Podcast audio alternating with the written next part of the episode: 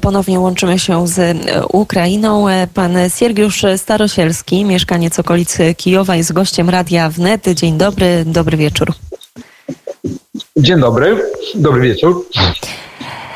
Panie Siergiuszu, dochodzą do nas e, informacje, jakoby w okolicach Kijowa miało dochodzić teraz do bardzo trudnych, zaciekłych walk. Czy może pan to potwierdzić? Ma pan jakieś informacje na ten temat? E, mam na temat e, informację, to znaczy 4 godziny temu, że byli walki od strony zachodniej i tam już dużo terenów zajętych przez wojska ukraińskie. Od strony wschodniej bardzo spokojnie, tutaj cisza. W ogóle nas nawet nie ostrzelowano rakietami już od półtorej doby. Cisza jest półtorej doby tutaj od wschodniej części. Także ja powiem takie zacisze trochę podejrzane.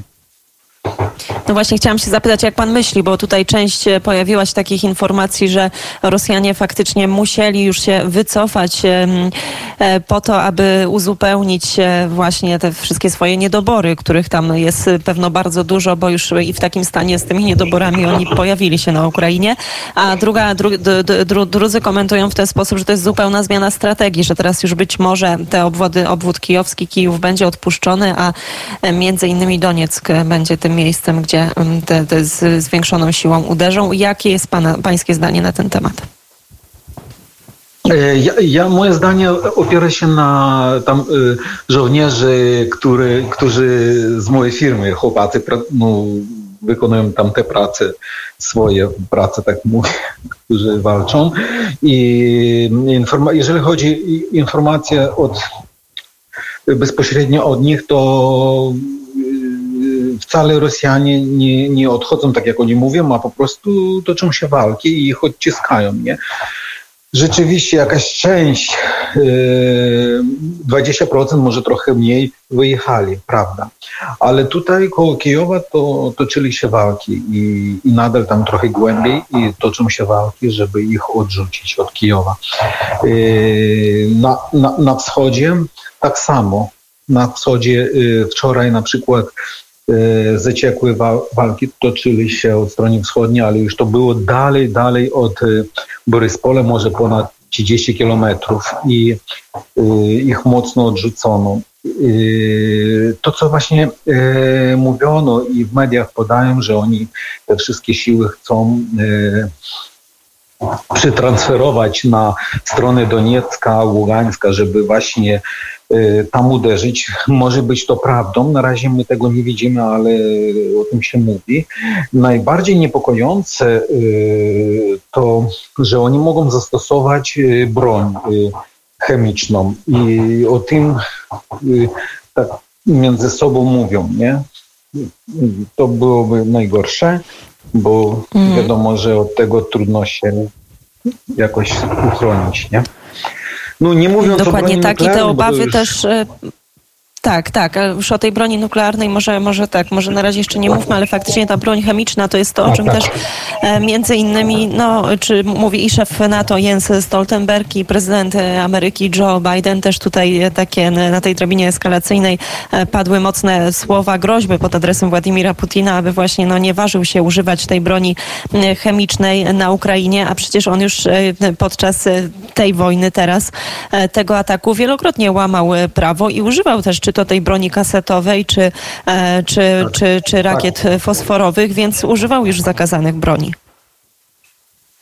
Tak jest. No właśnie ja dostałem telefon dosłownie mnie godziny temu y, od znajomego oficera, który powiedział, żeby wszystkie szpary, które mam w domu y, normalnie z, z, zakleić i wypełnić czymś, żeby tu nie trafiło. My no z żoną właśnie myśmy teraz, my siedzimy i myślimy, co z tym zrobić, bo my mamy dużo y, kanałów wentylacyjnych i ja mam w domu trzy piecy, nie, jakby y, no, także ja sobie nawet nie wyobrażam, jak to wszystko zrobić, nie? Bo, bo to trzeba teraz włazić na dach. No nie wiem, naprawdę, to jest taki dylemat, nie? Y, on tak na poważnie mógł, nie? Trudno, nie wiem.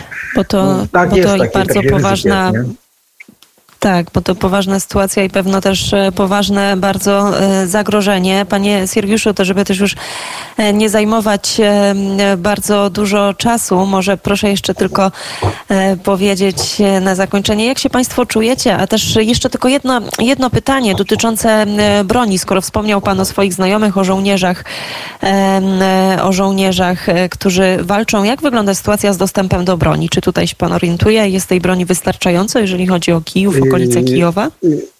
Z ludźmi, z którymi ja jestem w kontakcie, to oni mają uzbrojenia dość dobre. Jedynie tam ja dokupuję takie różne, w Polsce właśnie, dokupuję różne takie drobne rzeczy, tam powiedzmy, co się montuje na kask, na, na, na hełm i dla, dla słuchawek taktycznych, nie, takie, takie drobne rzeczy, prawda? A tak, jeżeli chodzi o karabiny tak dalej, to oni to wszystko mają. Nie? I jak tam wygląda sytuacja na wielką skalę, tam w innych regionach, to po prostu nie umiem powiedzieć, bo nie znam, ale tutaj niby wszystko ok, nie?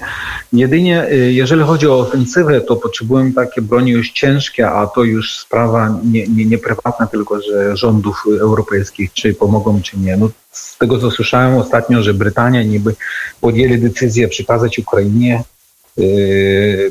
ciężkie armaty i inne jakieś y, bronie, które pozwolą yy, Ukrainie no, na ofensywę tutaj. Kto wie? I miejmy nadzieję, że ta, że, że, że ta, ta ciężka ta ciężka broń bardzo szybko dotrze na Ukrainę, a jeszcze większą nadzieję miejmy, że nie będzie ona już tam potrzebna, bo, a, bo uda się ten koszmar zakończyć. Ukraina będzie e, wolna. Bardzo serdecznie dziękuję panu za rozmowę. Pan Siergiusz Starosielski, e, przedsiębiorca, mieszkaniec okolicy Kijowa, był gościem Radia Wnet. Dziękuję i życzę spokojnego wieczoru. Również dziękuję. Do widzenia. Dobranoc. Do widzenia, do usłyszenia.